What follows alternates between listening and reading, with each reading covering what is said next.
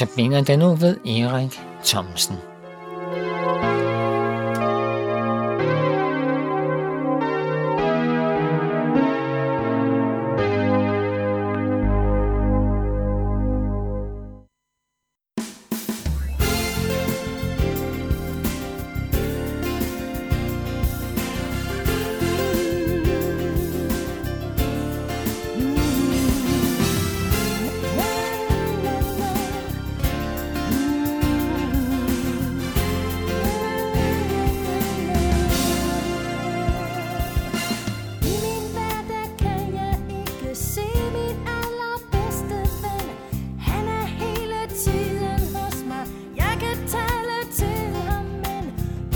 Min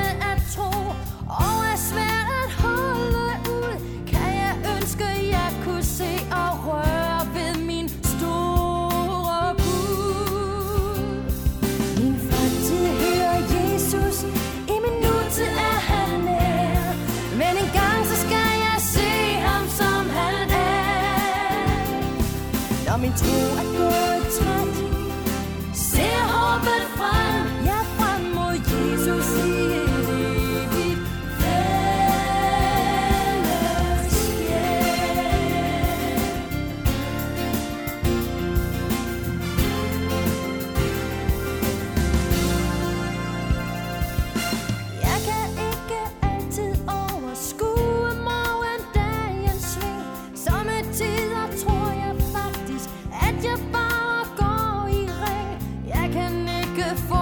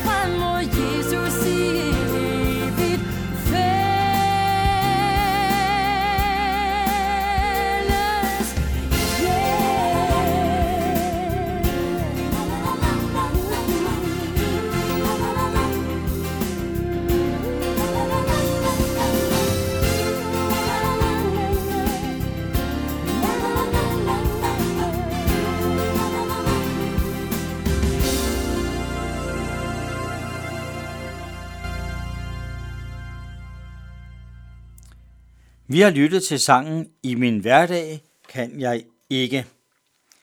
Og den er sunget af Sine Valsø. Dagens andagt, den tredje i denne uge, handler om israelitterne ligesom i går. I hvert fald som udgangspunkt. De og vi i dag har en hel del spørgsmål til Gud. Og en hel del gode ting, rigtig stærke ønsker, som vi synes, at Gud skal lytte til. Og det afføder jo næsten øh, og samler det hele i nogle spørgsmål, der blandt andet lyder, hvorfor kunne Gud ikke bare? Hvorfor gør Gud ikke bare? Hvordan kan det være, at Gud ikke bare? de og mange andre spørgsmål er blevet stillet milliarder gange i verdenshistorien. Hvorfor gør Gud ikke sådan og sådan? I mit eget liv, jamen der er det blevet stillet tusindvis af gange. Det synes der er meget bedre, det synes der er meget nemmere, det synes der er meget hurtigere, hvis Gud vil gøre sådan og sådan. Han må da kunne forstå, hvordan tingene hænger sammen. Han må da kunne forstå mine følelser. Han må da kunne se, at det her, det vil være det bedste.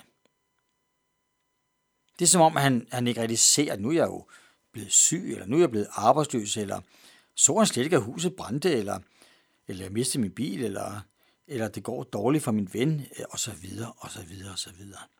Jeg tror, du kan genkende til rigtig mange spørgsmål, der er om Gud. Hvorfor Gud ikke bare gjorde sådan og sådan og sådan og sådan. sådan. Men det er faktisk omvendt. Når vi stiller spørgsmål, han må kunne forstå, så må vi egentlig vende det om. Fordi i bund og grund er det jo os, der skal forstå. Mit vidensbyrd til dig er, at det er faktisk bedre, når Gud råder og styrer. Det er faktisk ham, der kan overskue. Det er faktisk ikke mig. Det er faktisk ham, der kan overskue, hvad der er bedst for mig. Det er faktisk ham, der griber ind og netop sørger for, at jeg får det bedste. Han giver mig ikke en sten, når jeg beder om et brød. Han giver ikke dig en sten, når du beder om et brød.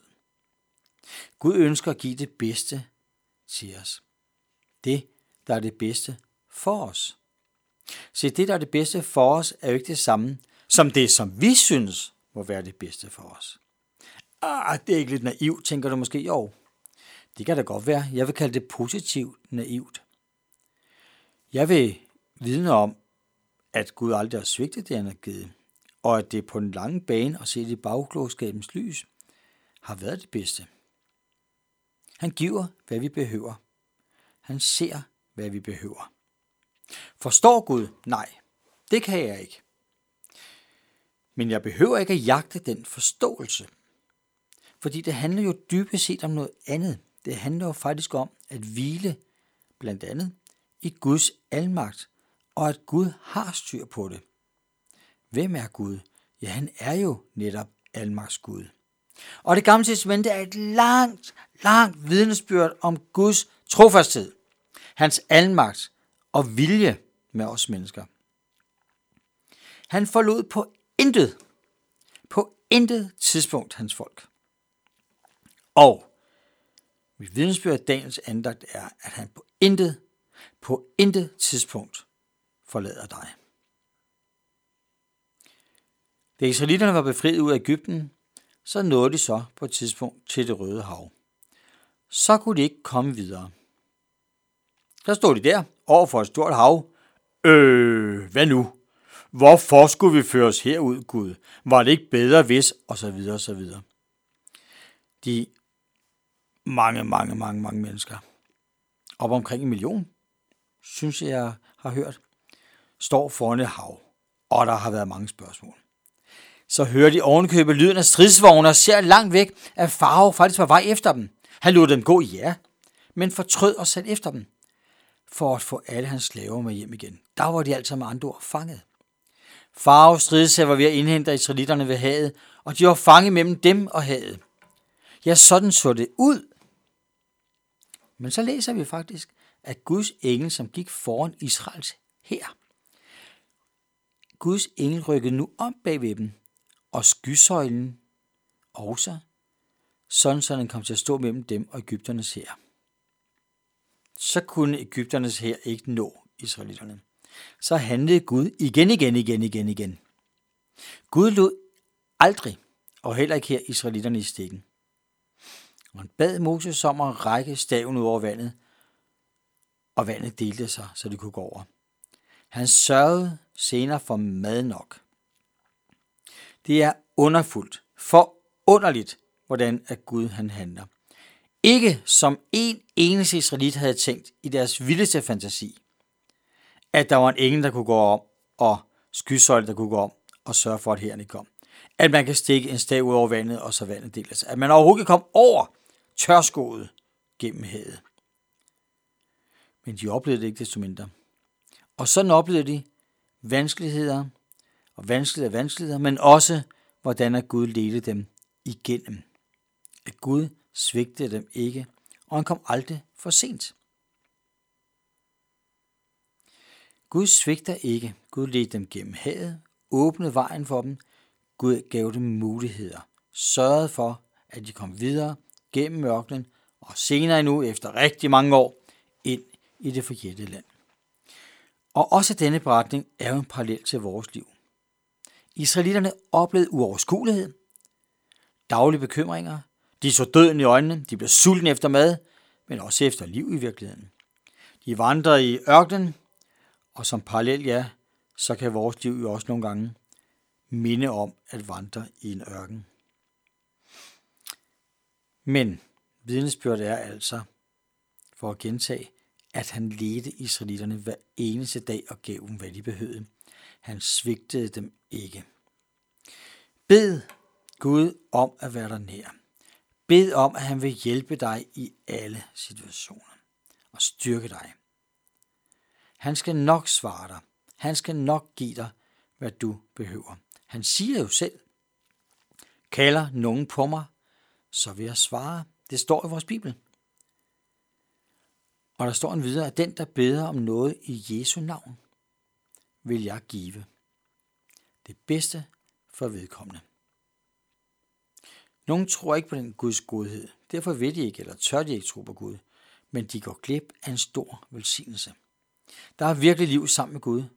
Og som man banet vej gennem havet, så vil man også bane vej for dig og mig i vores liv. Nu skal vi høre en sang af Marie Lind, og den hedder Se hvilken morgen.